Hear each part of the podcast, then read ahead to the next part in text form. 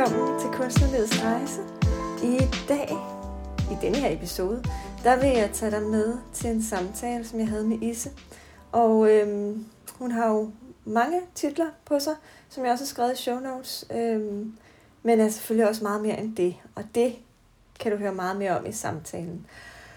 Og noget af det, jeg sådan her til start lige vil, vil tage frem, det er det her ene emne om, at, øh, at Isse hun fortæller, hvordan hun giver identitet til det, hun laver, frem for at det, hun laver, giver identitet til hende. Og den har jeg personligt gået rundt og mm, filosoferet lidt over, hvad, øhm, altså for det, det er jo ikke bare lige til, tænker jeg. Altså, der ligger så meget mere i det, end at, øh, at vi bare kan tage en beslutning om det. Øhm, vi, er jo, vi er jo alle sammen meget øh, forskellige. Vi kommer med forskellige historier og baggrunde. Og noget af det, jeg har overvejet, det er, at, at det, der ligger i, at man kan sætte sig der og, og give identitet til det, man laver, og holde sig til sin egen, egen identitet, det, der ligger jo et meget stor bevidsthed om, hvilke værdier vi lever efter. Øhm, og det er bare ikke... Øh, altså, jeg har da ikke selv været så... Det tror jeg også, jeg snakker om i samtalen. Jeg har da ikke altid været bevidst om, hvad det egentlig er for nogle værdier, jeg ønsker at leve efter.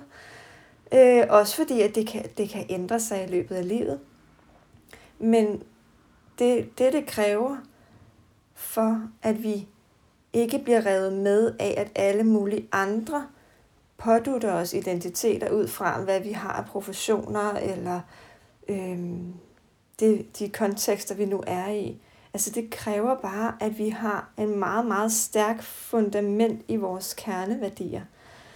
Og øh, det, det jeg har gået og funderet over, det er, at det, det er jo ikke bare lige at få skrevet de her kerneværdier ned, bum, sådan, øh, så lever jeg efter dem. Det, det kan vi ikke som mennesker.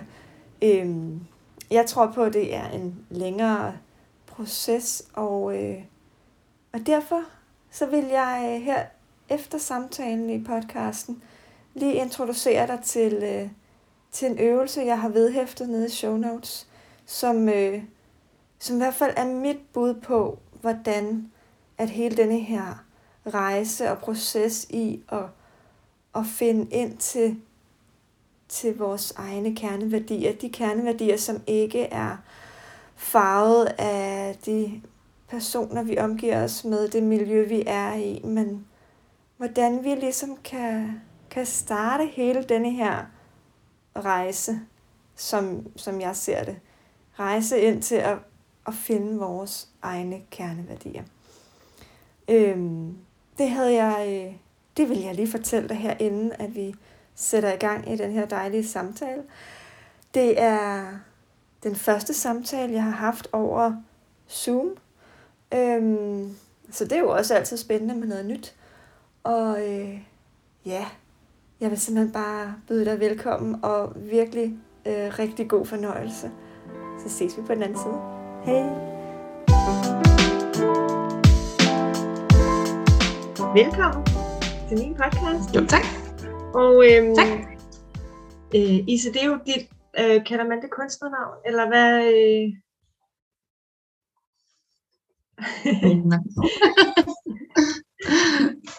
øh, ja, Ise er mit kunstnernavn og kælenavn og kaldenavn. Øh, jeg er døbt Marie-Louise, og det er stadig det, der står på alle mine officielle papirer, men øh, jeg bliver kun kaldt Ise af alle. Ja. Mm. Okay, så det er jo egentlig rimelig naturligt, at det var det, du skulle bruge som kunstner også. Ja, ja det var det mest personlige, ja. Men, no, men lad os lige til at starte med, sådan, så øhm, at øh, alle lyttere også lige er med på, hvem, hvem du er.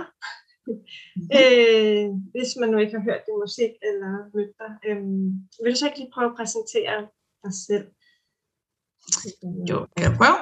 Øh, jeg er 28 år og sanger og sangskriver, musiker, uddannet jurist og tv-vært, øh, bosiddende i øh, Gern som ligger mellem Silkeborg og Aarhus i Midtjylland.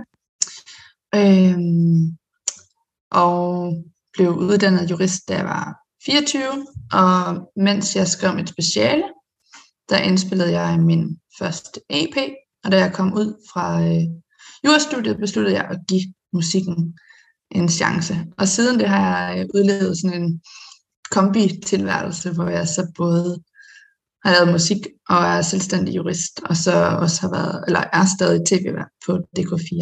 Ja. Wow. Hvor, hvornår kom hele det der tv-vært egentlig ind i det? øh, jamen, det er et program, der hedder Den Juridiske Brevkasse, hvor jeg både er ah. vært og tilrettelægger. Og, øhm, og det startede vi med i efteråret 19. Så øh, vi har filmet det 45 programmer nu, så det er alligevel en del. Okay. Ja, så, øh, og det var fordi den måde, jeg ligesom, eller grunden til, at jeg gav musik en ekstra chance, var fordi jeg i januar 2018 vandt en øh, sangskriverkonkurrence på DK4, hvor jeg blev kåret som årets danske poptalent. Og det var seerne, der stemte, og det gav ligesom troen på, at der var nogen, der kunne lide det, jeg lavede. Øh, så det var sådan en skulderklap øh, for at fortsætte i den branche. Ja. ja. Ah, okay. Yes, så det var ligesom det første skub derhen af. Men den, altså hele mhm. din interesse inden for sangskrivning, musik, hvornår startede den egentlig i dit liv? Altså, jeg kunne nok egentlig synge, før jeg kunne tale, når man spørger mine forældre. Øh, jeg har altid gået og sunget derhjemme og skrålet og set Melodi Grand Prix, for jeg var helt lille, og og sådan nogle aerobics øh, gymnastikvideoer optrådt foran tv'et med dem. Så alt det der med at optræde har altid været noget, jeg synes var sjovt. Ja. Øhm, uden jeg ved, hvor det kommer fra, for der er ikke nogen af mine forældre, der sådan lige fra har det store øh, behov for det. Øhm, så det kommer, det, jeg, det er medfødt. Ja. Og så det var 10, der startede jeg til sangundervisning. Øh, yeah. Og begyndte at skrive sådan sang rigtig som teenager. Øh, men første sang, tror jeg, der var jeg 4-5 år. Jeg skrev en sang om småkager, kan jeg huske.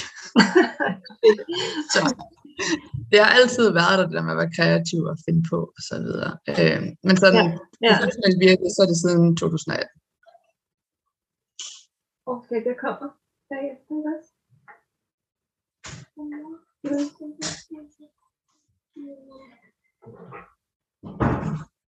Dit nattøj er deroppe i din seng. det var lige min datter. ja. Hun er lige på vej i seng. Så. Ja, ja. Så hyggeligt. Åh oh, ja. Nå, så tilbage. Altså, øhm, ja, så, så professionelt har jeg satset på musikken siden efteråret 17. januar 18. Og sådan rigtig ja. i 2018 når du faktisk, da du blev uddannet. Jurist. Okay, ej, hvor fedt. Altså, øhm, mm. og hvordan, øhm, du har et band, er det ikke rigtigt? Egentlig, som du tager ud og spiller med, eller hvordan? Øh, altså, altså, jeg spiller jo i, det er musik i mit eget navn og sange, jeg selv ja. skriver. Øh, og så har jeg altså nogle, nogle gange tager jeg ud solo også, men det er ikke så lange setups. Men ellers så har jeg en trio, og så har jeg et fuldt band, øh, som jeg tager ud og spiller med hele band. Øh, og så er det jo alle mulige forskellige jobs. Øh, både spillesteder og festivaler, men også, øh, jeg har faktisk rigtig mange private koncerter. Det sjove er, at jeg har nogle mennesker, hvor jeg både laver deres testamente og ejendomshandel, og så samtidig skal jeg, de har hyret til at spille min sang til deres rundfødselsdag eller et eller andet. Det er lidt sjovt. Ej, det er meget skægt. Hvordan, ja. altså, fordi det er jo sådan ret forskellige sådan, roller at have over for Ja, og i starten, ja, og i starten, der var jeg personligt nervøs for, om folk godt kunne skælne de to ting fra hinanden. Altså jura og musik. Altså, vil de kun se mig som jurist, eller kun musiker, eller et, altså, det kunne man jo godt frygte, at man ikke kunne tage det seriøst den anden vej rundt. Ja. Og det har der overhovedet ikke været noget af. Øh, det, jeg har mere mødt en respekt for, at, at jeg øh, kan flere, har flere ting, og har flere muligheder, og ja. når jeg er sammen med jurister, så vil de altid gerne høre om musikken, og synes det er spændende, og når man er sammen med musikere, så synes de, altså, det er altid nogle juridiske spørgsmål, og synes, det er sjovt at høre, hvordan den del er, og så videre. Øhm, ja, og publikum viser, de, altså, de kan sagtens sidde til en hel koncert og lytte og synge med og klappe og alting, og så bagefter kommer de op og spørger, om jeg ikke lige øh, kan hjælpe dem med en eller anden sag. Ja. Så øh, det er en kombination, jeg ikke nogensinde havde forestillet mig. Øh, og det er ikke ligefrem noget, der sådan står i uddannelsesbøger, hey, du kan vokse op, og så kan Nej. du lave de her ting sammen. Det har bare vist sig at fungere overraskende godt. Ja. Det, er jo det, fordi ja, jeg tænker også, altså, jeg tænker ikke, at det er, det er helt uh, ukendt for andre, det her med, at ej, nu er jeg jo uddannet øh, jurist, jamen, så er det jo den rolle, eller den øh, frakke, jeg tager på, og, og, og så er det jo nok forvirrende for andre, hvis jeg nu lige pludselig også har noget andet på. Og det er jo skægt, hvordan vi sådan kan gå og netop overtænke øh, nogle ting, og ligesom holde os selv lidt fast. Og, og hvor vi ja, man, man selv tænker, at man, man bliver nødt til at være man sige, 100% af tiden i den her ene rolle. Ja. Men altså, hvis man tænker over det, så en ting er jurist og musiker, men vi har jo alle sammen utrolig mange kasketter på i løbet af en dag. Altså, der er jo ikke nogen ja. af os, der hele tiden er 100% i vores ene erhverv. I det, der kan man jo så meget forskelligt. Altså, vi er jo ikke 100 år tilbage i tiden, hvor hvis du var smed, så var det hele døgnet, du var smed. Ikke? Altså, det var mm. ligesom det, at du boede ved butikken og så videre. Sådan er det jo ikke. I dag kan vi mange flere ting, og det kan jo både, det er både positivt, og det er også samtidig utroligt overvældende som ung at have så mange muligheder. Ja, ja, også, øhm, ja, fordi det her med netop, når der er så mange muligheder, og, og, og det går op for dig, måske, at oh, ej, jeg behøver faktisk ikke at putte mig selv ned i en, en kasse. Mm. Øhm, altså har du så oplevet, at det blev for overvældende, og du ligesom øhm, mistede lidt dig selv på vejen, eller altså på en eller anden måde? Eller, eller hvordan har du ligesom ja, sikret dig, at det var, det var din indre glæde, der ligesom styrede. Øhm. Den røg lige ud. Godt. Ja, det gjorde den. Hvor meget, hvor meget hørte du? Øh, kun eller, eller de, sidste, de sidste tre år, tror jeg. Ja, jamen det, jo, det her med at have, altså at netop have alle de muligheder, og, mm. og, og blive fanget den her overvældelse måske. Øhm, altså, hvordan har du sådan, ja, hvordan har du kunnet navigere i, at vælge efter, hvad, hvad du ligesom...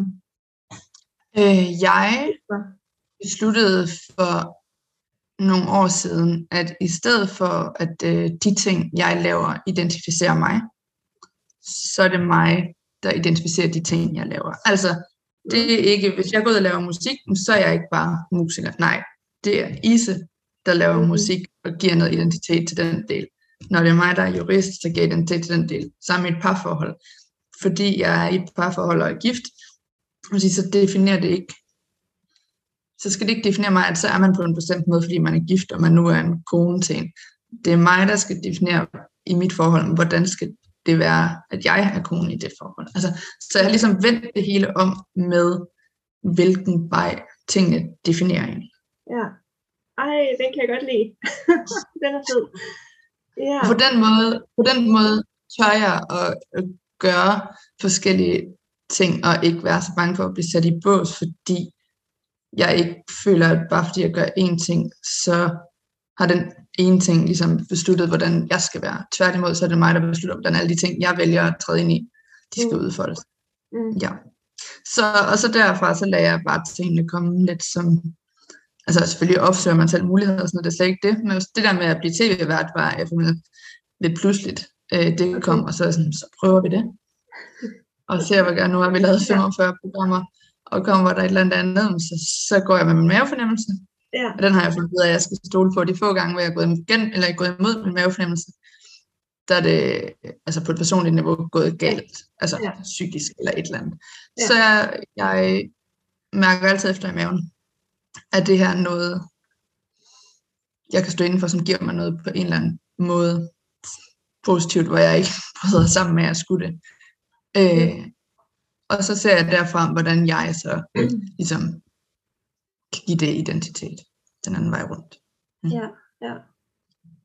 Ej, Jeg ved ikke, om det giver mening. Jo, men det giver virkelig god mening, og det er sådan en helt modsat vej at, at netop tænke i forhold til vores samfund, hvor vi jo bliver netop uddannet til at, at, øh, at blive identificeret med vores erhverv eller vores rolle, vi nu er, øh, er placeret i. Ja, altså, der var også utroligt, da jeg blev færdiguddannet som jurist, der var jeg sådan nu, jeg startede, den dag jeg øh, blev færdig, der Mm. startede jeg dagen efter som lærervikar. Jeg skrev til en skole, hey, jeg er klar, fordi jeg vidste ikke lige, hvad jeg skulle, men altså, man skal jo have noget økonomi. Ja, Øh, plus jeg altid, jeg har aldrig haft et sabbatår. Jeg gik direkte fra 9. til gymnasiet til universitetet. Og jeg egentlig altid tænkt, at hvis jeg så skulle have et sabbatår, så skulle jeg have været lærervikar. Fordi jeg rigtig godt fordi jeg undervist. Øhm, og så var det sådan, jamen så prøver jeg det. Og der var også mange jurister, som hvorfor du ikke ud og søge. De spurgte mig, fordi du ikke kan få et job? Sådan, jeg har ikke søgt et eneste juridisk job. Jeg havde ikke søgt nogen job, fordi jeg gerne ville prøve det. Så det der med, bare fordi jeg nu var færdiguddannet jurist, hvorfor skulle jeg så ikke kunne være lærervikar? ja, når det, det var det, der gav mening for mig på det tidspunkt som 24-årig. Jeg var træt af jura, det kan jeg var, altså efter at studere, det er noget helt andet at studere det, end det er at arbejde med det, og det vidste jeg ikke på det tidspunkt. Så jeg var bare træt af, at der skulle noget andet, og musikken skulle have en chance. Øhm, og jeg var glad, virkelig glad for at være lærervikar. Jeg synes, Mm. det var fedt, i den tid, jeg var det. ja, Øhm, men der var mange, der ikke men når du har en uddannelse, du kan gå ud og tjene utrolig mange penge med samme sådan, jamen, det er, ikke, det er ikke det, jeg har behov for lige nu. nej, nej. Øhm, ja. Ligesom der er jo så nogle musikere, der ikke kan forstå, hvis du gerne vil musik, hvorfor har du så ikke studeret på konservatoriet i stedet for? Hvorfor har du ikke taget en musikalsk uddannelse? Altså, ja. Øhm, og, og, der har jeg egentlig aldrig rigtig haft et behov for, at andre kan forstå det. Jeg har behov for, at folk respekterer, at jeg har taget nogle andre valg end dem. Jeg har ikke noget behov for, at folk forstår mine valg. Nej. Sådan har jeg det også med andre mennesker. Der er mange valg, jeg ikke, altså andres valg, jeg på ingen måde forstår. Men respekt, hvis det gør dem glade, så er alt godt. Så det, ja, ja. Ej, og det tror jeg virkelig også bare er sådan en vigtig ting, ikke?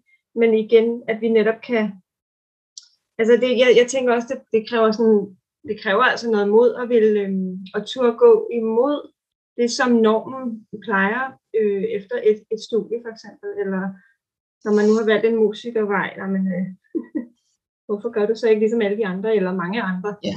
Det, det kan, men altså, hvor, hvorfor, Jamen, Jamen, hvor, hvor kom den der, der mod fra til at kunne gå imod? Jeg tror egentlig, det er fordi, jeg aldrig har tænkt over det som værende trodsigt eller modigt. Eller, altså fordi det er bare, det er mit liv, og det er mig. Ja. Og så har jeg ligesom bare fulgt det, der var rigtigt for mig på det tidspunkt. Og netop derfor har jeg så aldrig syntes, det var trodsigt, fordi Mm. jeg jo ikke er gået imod mig selv. Nej, ja. Hvis man går imod det, man gerne selv vil og selv står indenfor, ja. så bliver man lige pludselig trodsig, for så gør man det af de forkerte årsager. Altså så gør man det bare for at være på tværs. Men Ja. fordi jeg ikke har set, hvordan det... Hvis det var fordi, det havde skadet nogle andre mennesker, hvis det havde gjort ondt nogle andre mennesker, jeg har taget de valg, jeg har taget, så, så havde det jo krævet, jeg ved ikke engang om mod er det rigtige ord, men så havde det i hvert fald krævet mere power af en eller anden form. Mm, mm. Øh, men når den eneste, de her valg kunne gå ud over, både positivt og negativt, var mig selv, så, øh, så, ja, så kan jeg ikke rigtig se, at jeg har skulle finde et eller andet mod i forhold til andre mennesker omkring. Okay. Ej, hvor spændende, fordi hvordan øhm, ofte det der når man, øhm, altså det kender jeg i hvert fald fra mig selv, det her, den her trang til at være et, et, en del af noget, en del af et fællesskab, og bange for at, at bryde ud af fællesskabet, fordi åh, så er det jo lidt farligt, hvis man står alene. Mm. Øh, eller sådan, den, den kender jeg i hvert fald, den følelse. Har Ja, det, altså jeg har, jeg har altid været en outsider, altså ja. siden folkeskole, for der spillede jeg både håndbold og fodbold og musik, og var både glad for at gå i skole og god til at gå i skole. Så jeg var både nørden, der også godt kunne lide at dyrke sport og musik og teater. Så på den måde passede jeg ikke rigtig nogen steder, og dengang kunne det godt være hårdt, altså når man, dem man spillede fodbold med, ikke forstod, hvorfor gider du også bruge tid på at gå rundt i kostymer og synge sange i en, eller anden den udendørs teater, og dem jeg så spillede teater med, kunne ikke forstå, at jeg gad at sparke til en bold. Og dengang kunne det godt være hårdt. Og det er så i dag, der ser jeg det som en fordel, at jeg faktisk ved lidt om mange ting og har mange forskellige interesser. Mm. Og så er jeg stadig en outsider i dag. Jeg, er, øh, jeg plejer at kalde mig selv udadvendt introvert. Ja. Ja. Øhm, for jeg har aldrig haft problemer med at snakke med mennesker, og jeg er rigtig glad for at snakke med alle typer mennesker fra jeg skal kalde det, alle samfundslag, øh, erhverv, ældre. Jeg har næsten altid haft venner, der var noget ældre end mig. Øhm, men øh, ja, det har gjort, at jeg altså, i dag stadig er en outsider i forhold til, at der er mange ting, jeg ikke har fuldt. Jeg har aldrig boet i en storby, for eksempel, som næsten alle andre unge har. Jeg har kun boet i små byer, aldrig boet i en lejlighed, kun boet i hus. Øh, flyttede igen til Aarhus, da jeg studerede i Aarhus. Jeg pendlede mange valg, så mange unge måske ikke. Altså, men i dag ser jeg det bare som en, en styrke at være outsider, fordi jeg er både god til at være i mit eget selskab, men jeg er også god netop til at tage de der jamen, altså, når jeg tager et valg, så føler jeg ikke, at jeg skal tænke over, hvordan alle de andre i gruppen de Nej. tænker om det valg. For jeg har ikke en anden gruppe på den måde. Jeg har en masse, eller jeg har en, en tæt gruppe af venner og familie, som er de samme, jeg har haft i mange, mange år. I princippet så er den eneste, det eneste nye sådan, tætte bekendtskab, jeg har fået gennem musikbranchen, er faktisk min mand, som jeg så er med at gifte mig med. Og så har jeg mit band. Men det er sådan, altså mine venner, som jeg ringer til klokken lort om natten, det er de gamle venner stadig, ja. som jeg har mødt forskellige steder. Øhm, så i dag ser jeg det som en fordel at være en outsider og turde stå på egen ben, for det giver en eller anden styrke, ja. når man aldrig har, øh, når man ikke har haft en eller anden gruppe alene, så har man bare fulgt deres valg. Jeg har altid taget min egen. Ja, ja. Ja, jamen det er jo det, der, der godt kan, man godt kan risikere, ja. Øh, men igen, ja, det betyder ikke, at man ikke har venner, og det betyder ikke, at man ikke har venner at hænge ud med, for det har jeg jo haft hele tiden. Men vi er bare, altså, vi har vidt forskellige valg i livet, har ikke gjort de samme ting. Nej. Ja. Og så har det måske netop været den der med, at, at det har været præget af respekt for hinanden, frem for at, at, skulle forstå hinanden på det mindste. Øhm, Præcis. Ja. Præcis. Og det, er, det tror ja. jeg faktisk er, er virkelig oh. godt ud. Ja, altså det, det er også det der med, at det handler om, at man, især sammen med sine venner, at man ikke har, man, altså, man skal ikke have en lyst til ligesom at bytte liv med hinanden. Man skal være glad for sit eget liv, men du skal ikke have, hvis du hele tiden har en eller anden lyst til, ej, jeg gad godt at leve, altså have hele min bedste vens liv, eller et eller andet, så er der jo noget galt. Så kommer der til at være en evig jalousi imellem det forhold. Plus du ikke er tilfreds med dit eget liv, og hvis man ikke er tilfreds med sit eget, så kan man heller ikke hvile sig selv og egentlig være altså, ordentlig ven. Så på den måde, handler det jo bare om, at man har en forståelse for hinandens valg, men man skal ikke være der, hvor man så hele tiden føler, at ej, alle de valg, du har taget, dem skulle jeg også have taget. Nej, nej. Så, og det er den måde, man kan respektere det, men uden man behøver at forstå det. Nej, ja, det er Vi bruger det bare meget i vores øhm, altså sådan generelle hverdagssprog, ikke? Det der med, jeg forstår bare ikke, hvorfor hun gør sådan, eller og jeg vil så gerne forstå, hvorfor mm. du gør det der. Og, og, og vil også gerne forstå, ja, og det er der, hvor jeg tror, Ja, ja, og det er ikke fordi, vi ikke må prøve at forstå nogle ting. Altså, man kan også have dybe samtaler og prøve at sætte sig ned og forstå det. Men, men det igen, for mig handler det mere om det der med, at man kan respektere hinandens valg, inden man behøver at forstå, hvorfor den har valgt det. Mm. Mm. Der er grænser for, hvor meget man, man kan. øh, ja, også når man skal holde styr på sig selv. Ja, ja, ja, ja, ja det er det. Det er rigtigt at holde styr på. Og hvordan har det egentlig mm. haft i forhold til din vej, øh, inden for, inden for sangskrivning og musikken. Øhm, hvad, hvad har din, de, her, de her venskaber, du har haft igennem livet, hvordan, hvad har de haft af betydning? Og... Det har jo været min, altså mit, mit sikkerhedsnet. Altså, det er folk, der har kendt mig, inden jeg overhovedet begyndte at udgive for første gang, inden jeg stod på nogen store scener eller noget som helst. Så det er folk, jeg ved kan lide mig for den, jeg er og ikke om jeg er musiker, eller jurist, eller verdenskendt, eller overhovedet ikke kendt, eller whatever. Altså det er folk, jeg ved kan lide mig for den, jeg er. Og det er mit sikkerhedsnet, jeg altid kan gå til. Og når jeg er sammen med dem, så er alt, som det altid har været.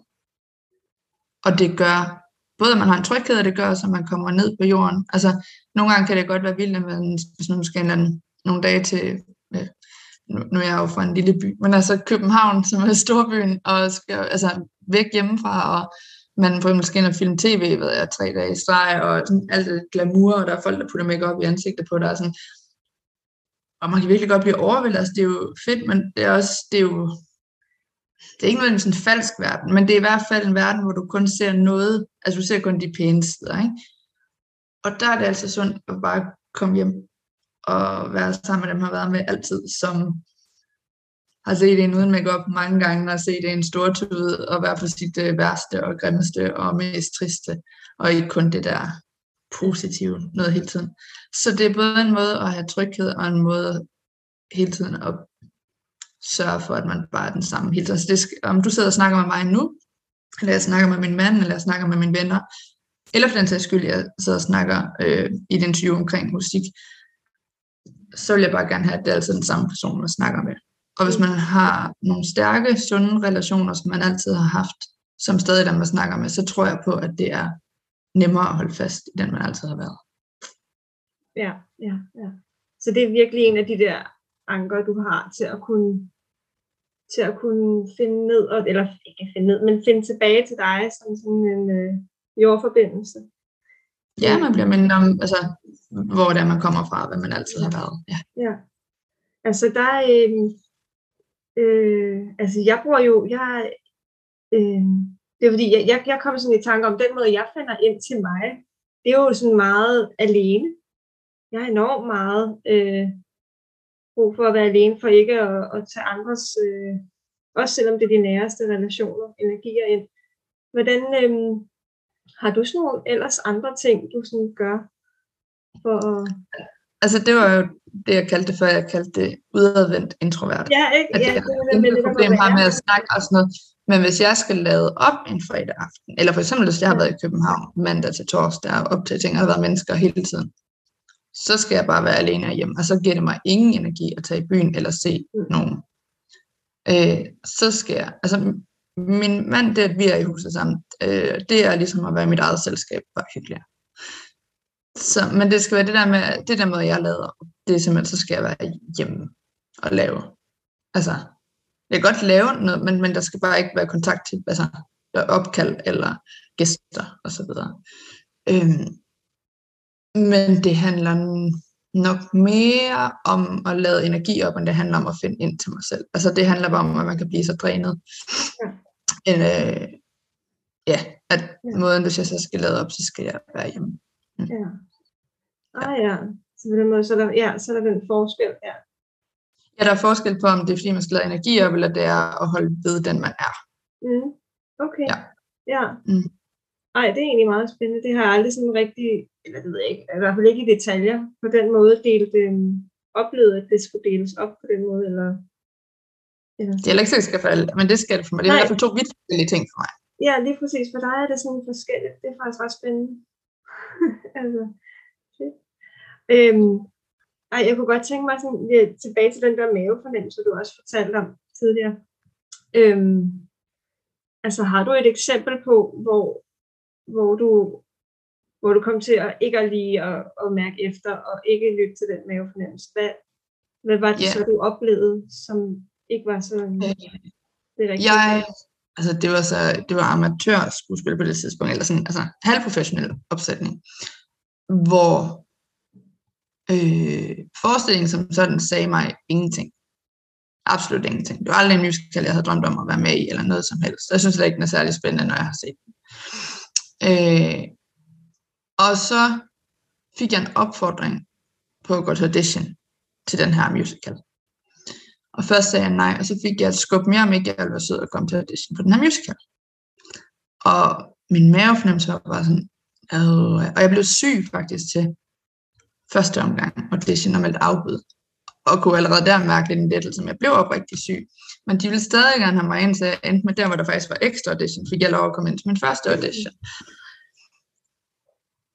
Og det er den eneste gang, øh, om det er min krop eller mit hoved, eller hvad der gjorde det, det er simpelthen den dårligste audition, jeg nogensinde har haft. Jeg kunne ingenting. Jeg kunne ikke spille skuespil, jeg kunne ikke danse.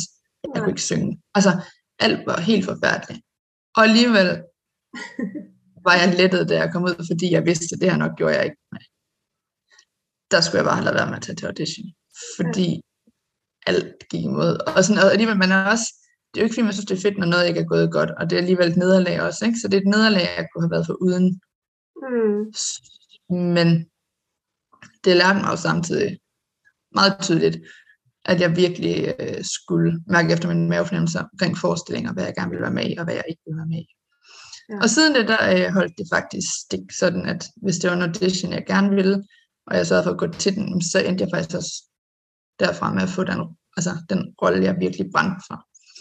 Øhm, ja, så det er i hvert fald et eksempel på, at, ja, at jeg ligesom, så, nærmest saboteret for mig selv, uden jeg ved, hvordan det kunne bringe det. Altså, det er så smart øh, egentlig, ikke? Altså, det er jo ret jo. smart, hvad den der krop egentlig kan hjælpe os med. Øhm. Ja, og, og så en gang har jeg haft så voldsom halspotens, hvor jeg var ude at spille solo til en fødselsdag, øh, hvor altså, lavede nogle knæk undervejs, jeg fik kæmpet mig igen, altså, det var ikke mit top, men de var tilfredse og sådan noget, ikke? Men så mistede jeg stemme, jeg var to og en halv uge bagefter, og det er sådan en, der skulle jeg nok også have fuldt, altså, jeg har som sagt, hey, jeg finder en anden til at komme, for det var ikke min egen sang på det tidspunkt, det er mange år siden. Mm. Jeg kan finde en anden til at komme og spille de sange, jeg gerne vil have, og så havde jeg ikke mistet mig, det var kun, kun fordi jeg pressede kroppen. Ja. Ja. Ja, så der, der er sådan nogle ting, hvor hvis jeg ved, at det skader mere på sig, altså vi kan alle sammen være syge og kæmpe os igen med job og sådan noget. Og især hvis jeg ved, at jeg ikke har nogle jobs bagefter, fint, så skal jeg nok kæmpe mig igen. Men hvis man ved, at det så kan skade mere på sigt, så må man finde en eller anden løsning ja. på det. Ja. Ja, ja, ja, ja. Det er, det er sådan også den der klassiske med, at det, så arbejder man, arbejder man, og så får man ferie, så falder hele kroppen bare sammen. At ja, ja. nu Præcis. kan den endelig få lov til at give slip. Men mm. også sådan, de der små tegn, øh, det er jo også noget, der sådan godt kan tage lang tid at forstå. Altså, vi har jo alle sammen vores egen krop, som har forskellige tegn. Det tror jeg i hvert fald meget på, at vi hver især har. Helt klart. Det ville være mærkeligt, hvis det var ens. Altså. Ja, det ville være meget mærkeligt. Altså, nogen kan måske mærke det i, øh, øh, i maven, eller andre kan mærke det i skulderen, og andre kan mærke det i knæet. Eller sådan. Altså, men, ja, ja. men at, at blive nysgerrig på den der, hvad er det, de mine tegn er? for at, Præcis. at nu er du i gang med noget, der ikke helt er, er, er godt for Ja, og, og igen, så er der en forskel på at være presset og på at ja. være stresset. Vi har alle sammen godt at blive presset en gang imellem. For ellers så kommer, altså, ellers så får vi ikke øh, både skubbet vores grænser, vi får ikke udvidet vores potentiale. Ja. Og hvis, ligesom den her weekend, jeg lige havde, der spillede jeg øh, tre jobs på et døgn.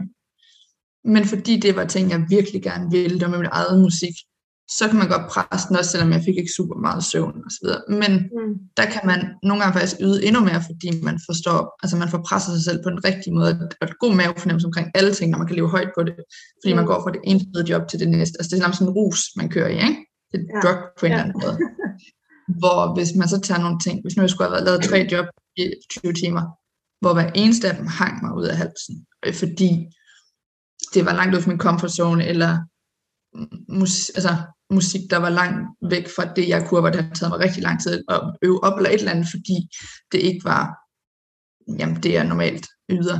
Mm. Øh, så vil man jo kunne blive stresset over det, fordi så vil du hver eneste job, man skal ud på i de 24 timer, være virkelig stresset over, at man skal til det næste, i stedet for at stå og glæde sig, inden man skal. Ja.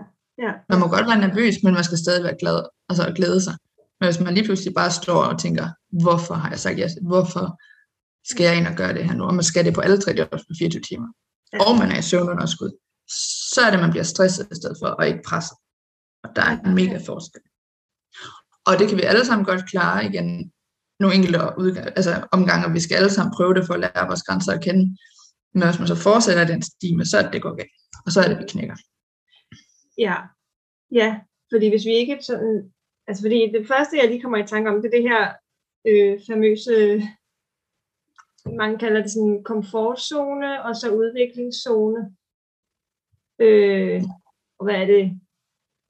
Og, og sådan, ja, det ved jeg ikke, angstzone nærmest, altså sådan der panikzone, hvor der ja. ikke sker noget udvikling, men at det er bare mega ubehageligt alt sammen. Øhm, ja, præcis, og det handler om at få udvidet og rykket ja. grænsen, det du kalder udviklingszonen, så angstzonen ja. bliver mindre, der er færre ting, man er angst over. Men ja. det er en proces, og du kan ikke, altså, man siger jo, at det tager er det tre gode oplevelser for at opveje en dårlig, eller sådan et eller andet, hvis ikke den der er flere. Så hvis du har tre oplevelser i streg, hvor du hele tiden føler, at du er bagud, altså lidt som hvis du ikke har lavet lektier i både biologi og matematik og dansk, altså alting, så det ikke er det eneste fag, der kører for dig i skolen, så er man også presset. Kontra hvis man nu har styr på dansk og engelsk, man ved, at matematik er det, man er presset i, så har man lidt mere overskud til at skulle bruge mere tid på det, fordi man har styr på de andre, ikke? Ja. ja. Hvis man hele tiden bare er bagud på alle fronter, så har man ikke noget overskud til at skubbe sine grænser på den rigtige måde. Ja, og, ikke, ja, og så den der med, hvad, hvad er det, man, man ligesom brænder for, ikke? Det der, det er nogle sommerfugle. Der, hvor er den sommerfuglen er henne? Det kan også give noget, noget energi af den der adrenalin, du sådan også øhm, beskrev. Og det er ikke fordi, ja, altså, også realistisk, vi har alle sammen nogle ting nogle gange, som er knap så sjove som andre, men som sagt, hvis man sørger for at have nogle ting, der opvejer de lidt mindre sjove ting, nogle gange, og lidt hårde ting, så har man også mere, altså jo flere succesoplevelser du har, mm. desto mere overskud har du til de ting, der er lidt strammere at komme igen. Ja. Subjektivt overskud. Uh, ja. Og så er der jo så det der med succesoplevelser. Ikke? Den er jo også, den kan man godt nok også definere på mange, mange måder. Ja, fordi det kan være alt. Altså, jeg kan have vild, nogle gange har jeg været oppe og spille på det lokale plejehjem til Sankt Hans for mm. demensafdelingen. Og bare det med, at der har siddet to lige pludselig og vippet med fødderne, og ja. lige pludselig sunget med med nogen, der normalt ikke snakker, kan være lige så meget ros for mig, som at spille for tusind mennesker på en festival. Altså, ja. det der med, at man... Øh, det, ved ikke, det lyder også så kliché, at gøre en forskel. Men i hvert fald i forhold til job, så plejer jeg at dele det op i tre ting, for mm. ikke at blive stresset, man kan holde den på presset. Og det er, hvis jeg bliver spurgt om et job, så er, er der, der er økonomi, mm. der er, om det gør noget personligt for mig, og der er, om det gør noget PR-mæssigt for min musik. Mm. Så for eksempel, hvis det er et job, hvor jeg sådan tænker, det, det her, det giver mig ikke noget personligt, og det PR-mæssigt kan heller ikke det giver mig noget, men det så giver en god hyre, færre, vi skal alle sammen overleve, penge er nødvendighed i samfundet, vi bor i. Men hvis der er et eller andet, hvor jeg tænker, wow, det her, det giver mig utrolig meget som person. Jeg har faktisk spillet på hospice, hvor det giver et eller andet, der gør en forskel i folks sidste stund. Ingen økonomi i det. PR-mæssigt, det er lukket dør, det giver ingenting, fordi det så giver noget personligt, så er det også det værd, og ikke noget, der presser. Jo, presser kan det godt være tid med, men det stresser i hvert fald ikke. Og så den sidste ting, der er også nogle ting, man gerne vil gøre til meget billige penge gratis, hvis man ved, at det PR-mæssigt kommer ud til rigtig mange mennesker, altså en tv-optræden på en kanal eller et eller andet, hvor i forhold til de timers arbejde, der ligger i det, er hyren måske ikke særlig god, mm. men fordi det så giver så meget eksponering og giver meget på sigt på en anden måde, mm, så er det også det værd. Og så kan det være en kombi af de forskellige ting. Men det er sådan de tre ting, man altid skal opveje, der skal i hvert fald være en af de her faktorer i spil. For ellers så går jeg imod min mavefornemmelse. Ja, ja. Og det er virkelig, og det er virkelig godt råd også til andre, ikke? hvis det er, at det er svært at, at netop finde vejen igennem, hvor, hvor, hvad er det, jeg lige skal vælge i det her, og øh, hvordan skal jeg prioritere, og ja. Øhm, ja, for man bliver nødt til at være realistisk omkring, at ja. vi kan ikke komme udenom, at vi har brug for penge for at få brød ja, på bordet. Ja, ja. Sådan er det. Men som sagt, så kan man opveje de forskellige ting over for hinanden. Ja, ja. Nej, Ej, det er vildt fedt. Det er vildt fedt råd. Ja, nu kalder jeg det et råd, men det er din, øh, din måde at, at navigere i det. jeg tænker, der kunne være andre, der sikkert kunne inspireres af det. Det er ret smart. Mm. ja. Nå. Øhm, hvor kom vi ellers fra? Mm. Ja. Øh, ja, nå, nej, jeg tror ikke, at jeg kom det rigtig andet. Øh, det var lidt omkring mavefornemmelsen der. Ja, det var der, vi kom fra. Det er jeg gerne vil være nysgerrig på. Ja. Øhm, men, øh, ja. Hvor er du, altså, hvor er du henne nu i forhold til, hvad du, hvor du sådan fremtidsmæssigt ser dig selv? Har du nogle, sådan, nogle drømme om, hvor du gerne vil hen af med, med din Altså, jeg tror, at vi som mennesker altid skal have drømme mm. for at have en eller anden gnist inde i os. Mm. Så, og så er det ligegyldigt, hvor realistisk det er eller ikke. Men selvfølgelig, jeg har en drøm om, at øh, for mig, at det bliver lettere at komme igennem til, altså jeg er blevet spillet lidt i radio, men at det bliver lettere at komme igennem til radio for nogle af mine sange i det, der hedder rotation, altså hvor de kører et vist antal gange i døgnet på de store kanaler. Spille på Skanderborg Festival på en af de store scener. Øh, have et, jeg allerede, altså føler, at jeg er ved at opbygge det, men det der med at have et fast publikum, som gør, at man kan planlægge tur rundt i landet, altså hvert år have nok til, at man ligesom kan tage rundt og spille Ja. hvert år, og flere turnéer om året, hvor der faktisk kommer nok mennesker. Ja. Øhm, Men hvad, hvad er nok mennesker? Spørger jeg. ja, det, er jo, det, er jo, det er jo så der, hvor det bliver kedeligt og hedder økonomisk nok til at det løbe rundt for spillet steder. Det er det. Ikke? Ja, der er det den. Ja, og det er det, er for, det bliver det økonomisk, det kan man ikke komme udenom. Der, det er business. Det er, der, man er, der er man selvstændig erhvervsdrivende, der Ja, skal sælge der- det. Der, der, der siger spillestederne jo egentlig også, hvis der ikke er nok solgte billetter, så bliver de jo nødt til at, at lukke koncerten. Så aflyser man. så Ja, aflyser fordi så er det billigt og at aflyse. Ja, ja. Så, så det, og det er jo forskelligt fra spillested til spillested, hvad der er nok. ja Altså det kommer er også an på, hvor meget spillestederne får i støtte ellers fra det offentlige. Ja. Så der er mange faktorer. Ja. Men det er sådan generelt det med at, at, at have så mange, altså have fans nok rundt i landet til, at man kan spille på spillestederne alle steder, og koncerter kan gennemføres og så videre, ikke? Og selvfølgelig også, at man på et tidspunkt bare sælger ud hver gang, og sådan noget, men det gør selv de helt største navne i Danmark ikke hver gang. Mm. Altså, øh, men ja, så sådan nogle ting. Øh, og så, så længe jeg er glad og lykkelig i det, i det, jeg laver, og den tilværelse, jeg har. Lige nu har jeg jo sådan en kombi-tilværelse, og er Mm. lykkelig og glad i det, jeg har nu. Jeg Øhm, så jeg, Mm. Ja. jeg føler, at jeg har en ro med tingene, Ja. og jeg nyder alle de ting, jeg laver. Øhm, og håber på, at jeg kan få lov at fortsætte med at have den ro, hvad det så indebærer. Altså, om det betyder, at jeg skal noget andet på et tidspunkt erhvervsmæssigt, eller ud af et andet spor, eller et eller andet. Mm. Men bare det med at kunne blive med at have den der, have den der ro og glæde. Mm. Så det er faktisk, der, der er sådan en, en det er et pejlemærke, det ved som, det er sådan, det er ro og, og noget glæde. Så, så når du har det, så ved du, du er på rette vej, egentlig. Ja, det er jo igen det er en del af det der med mavefornemmelsen, og Ja, også det der, hvis du ja. spiller op igen med de tre ting med økonomi og, og personligt og PR-mæssigt. Det handler jo også om ro, og det handler Ja. ja. også om, at det er glæde. Altså, så det er jo nok to ord, der går igen som sådan lidt en livsfilosofi. Ro og glæde. Og Lykke kan du også kalde det i stedet for. Det er jo lidt det samme, ikke? Ja. Ej, men det er jo, så, det er jo virkelig vigtigt, det er jo, sådan, det er jo faktisk også det, man kalder ker- kerneværdier, tænker jeg, man kan sætte den under. Og det er så Ja, vigtigt at det- have, have det i, i dit liv, at, øh, at det er sådan, du, du ved, hvordan, om du, om du er på rette vej, om du har det godt. Men det er jo, Ja, og så kan man ikke misforstå. Altså ro betyder jo ikke, at man ikke laver noget. Ro betyder, at man har en Nej. indre ro om Ja, ja. ting, man vælger at lave. Men derfor kan man godt lave noget syv dage om ugen og have run på. ja, Men man har en ro med det, fordi man ved, det er det rigtige. Ja, ja, ja. ja. Altså, ro behøver jo netop ikke at være, at man sidder i zen på stranden dag ud af dag. Nej. Det er ikke nødvendigvis det. Nej. det er jo Det er helt, sådan en indre ro, som det der gør, at man har vildt meget overskud til at gøre ja, mange ting. ja, ja, ja, ja. Ej, Men der, altså, jeg, det kan jo være, altså, jeg har ikke altid vidst, hvad mine kerneværdier var i, i livet. Øh, det skulle jeg da sådan bruge nogle år på, da jeg sådan, gud, er der noget, der hedder kerneværdier? det, var, det blev jeg da overrasket over for, for fem år siden, tror jeg det var. For, altså, det er sådan virkelig, okay, det er her, der er mine kerneværdier.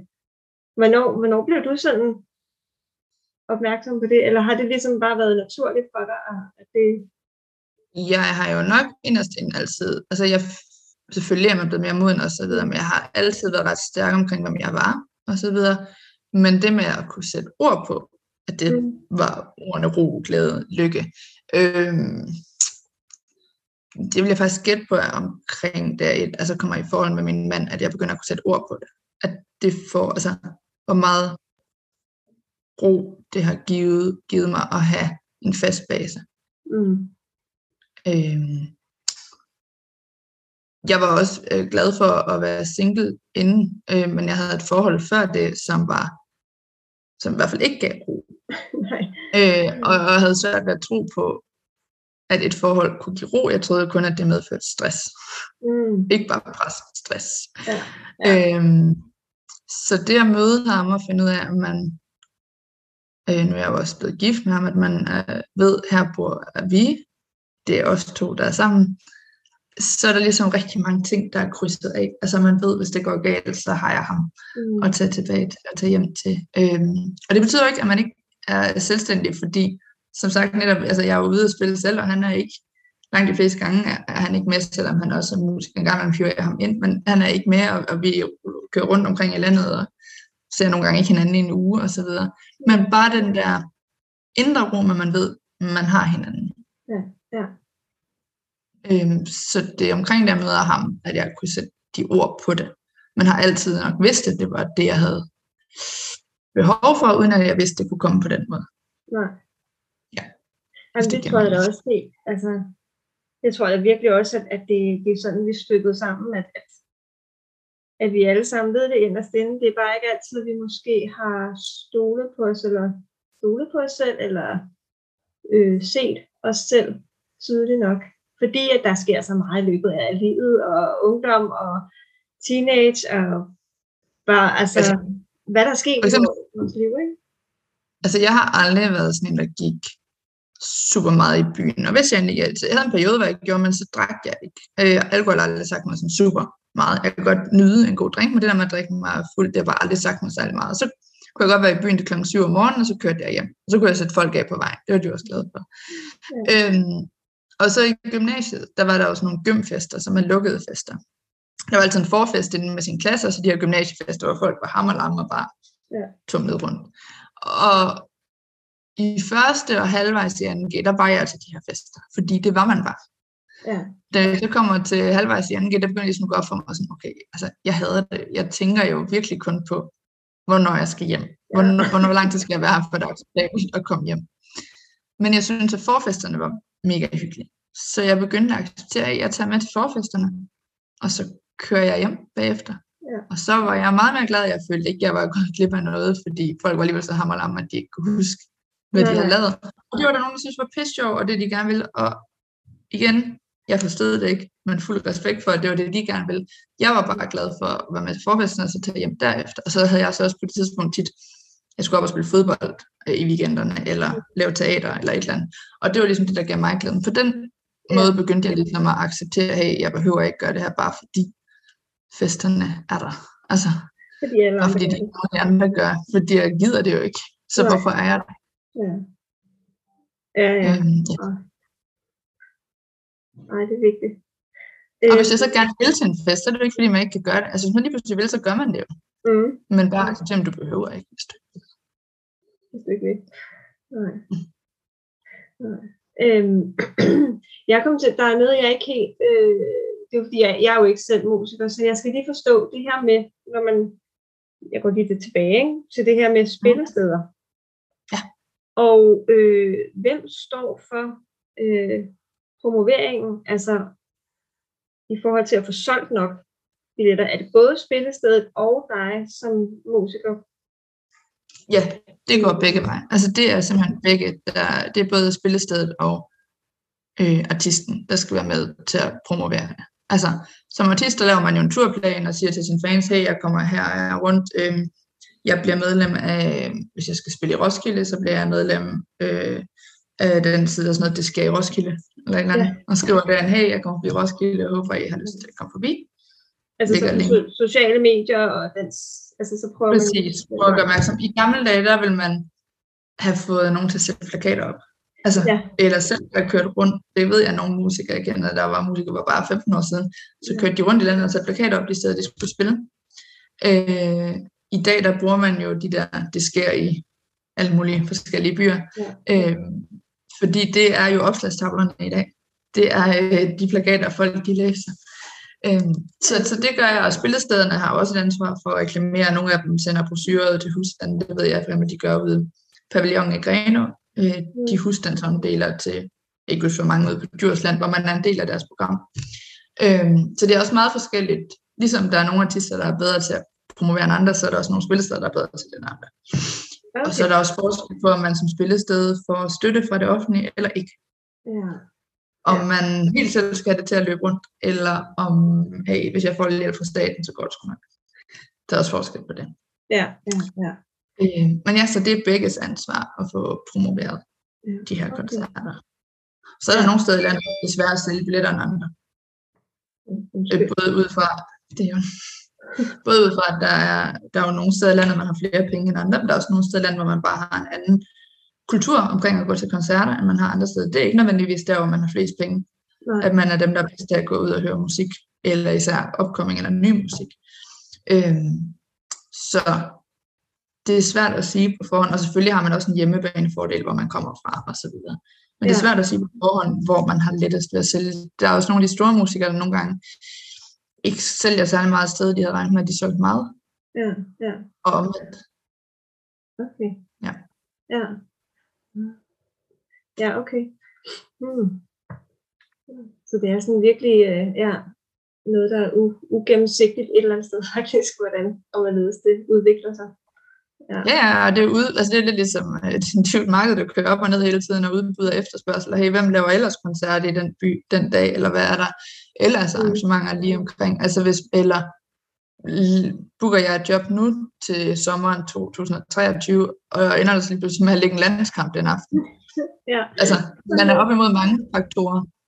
ja, Ja. okay. Ja. Jamen, det var fordi, det kom bare af, at, at det der med, at så bliver den jo, ja, så afløser man koncerten, hvis der ikke er nok. Øhm, ja. Mhm. Ja, jamen, det giver mening, at man begge to skal have sin, sin energi, der skal dækkes i det. Ja, ja, for det er jo både en interesse for begge parter, det er det jo. Altså, ja, og, og også et, et nederlag for begge parter, hvis man skal aflyse. Altså, det er jo ikke kun artisten, det er det også for spillestedet. mm, For begge er også interesseret i indtægt. mm, ja, ja, ja, ja. Ja. Okay. Mm. Mm. Øhm, jeg tænker, øh, er der noget her, hvis vi sådan skulle runde af Mm. I vores samtale, hvad skal, er der noget, du øhm, tænker, der er vigtigt her til sidst at lige få, få fortalt, eller? Øh, Jeg tror bare, altså især unge mennesker vil jeg rigtig Ja. gerne mm, være et forbillede for, hvis man kan sige det. Altså, jeg vil rigtig gerne i hvert fald sætte et godt eksempel i forhold til, at vi tager alle sammen dumvalg. Det er slet ikke det. Det skal vi også have lov til. Ja. Men mere det med, at fordi det er så svært netop med uddannelse og alle sådan nogle ting i dag, at der er altså ikke noget, der er mere rigtigt og forkert end andet. nej, Vi har brug for alle erhverv. Øh, vi har brug for skraldemænd, vi har brug for tømmer, vi har brug for læger, vi har brug for, vi har, simpelthen, vi har brug for alle. Og man er ikke finere, fordi man er noget eller ikke.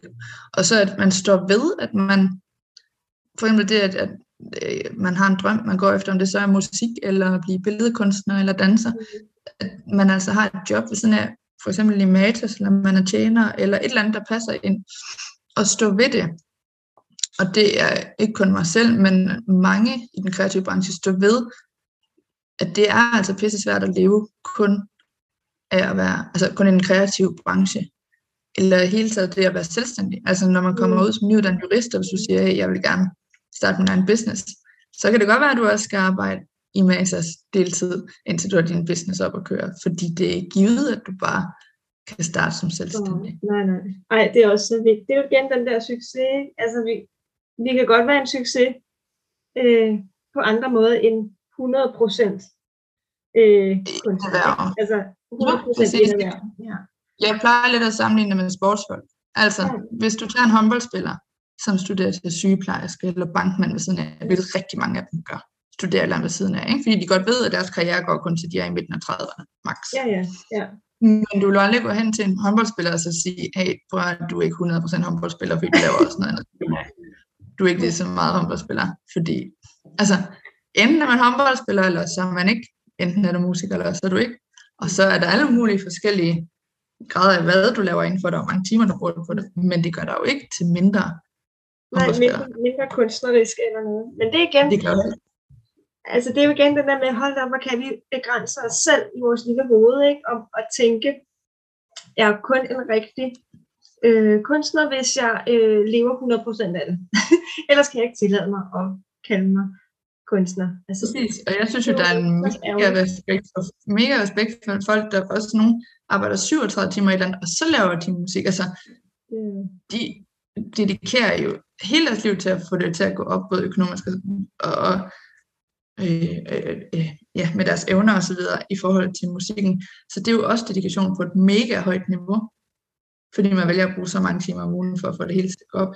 Så det der snopperi om, at man skulle være finere, fordi altså det er jo svært til, at Mikkel Hansen også, øh, at han skulle være finere end øh, Joachim Bolsten var i sin tid, hvis han studerede noget ved siden af. Eller, altså, ja.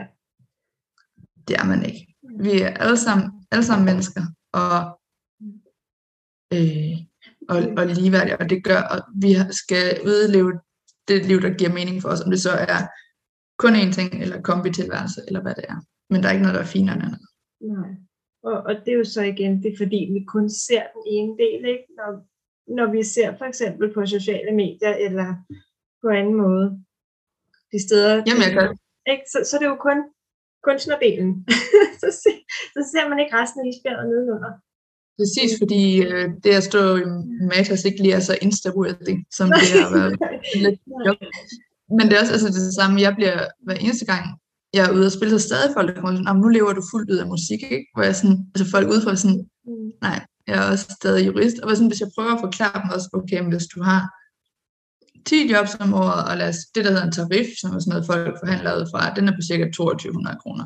Så lad os sige højt sat, at man får 4.000 per job. Ikke? Mm. Så så er 10 jobs om året, så er det 40.000. Og 20 jobs om året, så er det 80.000. Det er altså rigtig, rigtig mange jobs, du skal have ja. i navn, før du kan leve af det ja. i det samfund, vi lever i i dag. Ikke? Ja, ja, ja. Så, så det er ikke kun det er alt muligt, der ikke er særlig realistisk om, hvor meget man egentlig skal tjene. Ja.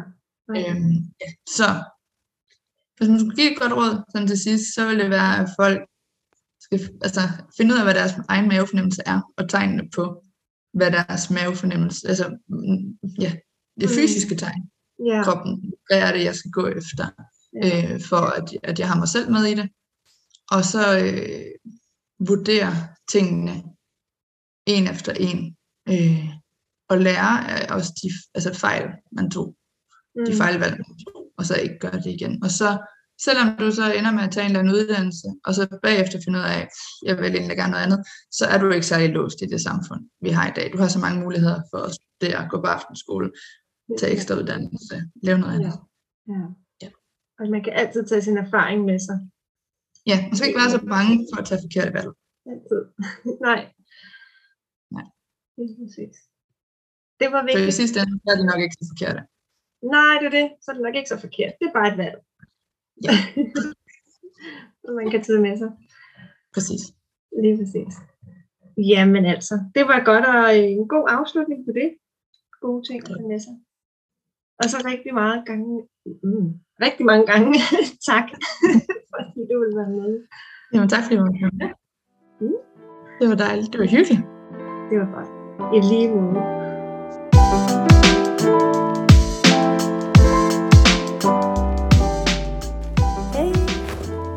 Jeg håber, du øh, nød og blev inspireret af den her samtale mellem jeg og, og Isse. Og øh, så lovede jeg dig jo, at, øh, at jeg lige vil introducere dig for den her øvelse, som jeg i show notes har linket til. Fordi jeg ser jo denne her rejsen mod at finde sine egne kerneværdier som en, øh, om ikke andet, en meget lang proces og en proces, man kan finde ind på flere gange i løbet af livet. Igen fordi, at kerneværdierne kan ændre sig i løbet af vores liv.